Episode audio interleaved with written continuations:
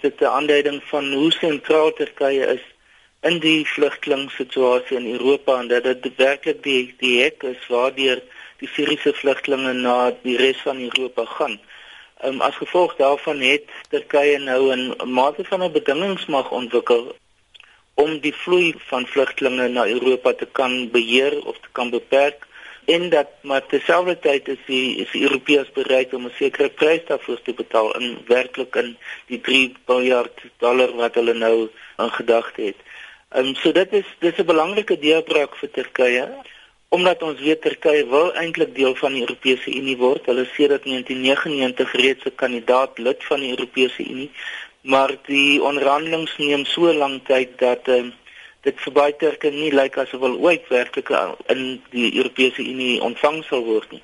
So hierdie is 'n nuwe dimensie wat nou bykom om die dinamika binne die Europese Unie teenoor Turkye dalk te verander. As ons kan praat oor die vloei van die vlugtelinge, bedoel hulle om dit net te beheer en weet 'n sekere aantal stuk vir stuk deur te laat na die Europese lidlande toe of is die doel met hierdie ooreenkoms eerder om die vlugtelinge amper te keer om te sê bly in Turkye? Dit is al so onduidelik oor wat presies wil hulle hê Turkye moet met die vlugtelinge doen want soos ons weet daar is meer as 2 miljoen Siriëse vlugtelinge net in Turkye.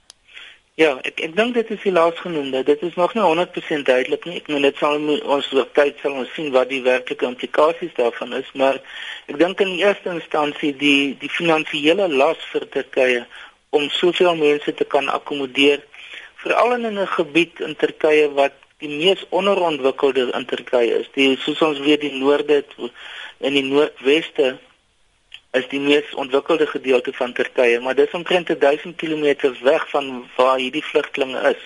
Um, in die suidooste waar die meeste op die Koerdiese gebiede is, dit is die, die minst ontwikkelde gedeelte. So die die infrastruktuur wat daar is, is nie noodwendig genoegsaam om hierdie hoeveelheid mense te kan hanteer nie. En ek dink hierdie geld gaan onder andere daarvoor nodig wees Een van die beweegredes na my mening waarom daar in die afgelope 2-3 maande soveel mense skielik begin beweeg het, is as gevolg van die komende winter in die noordelike halfrond.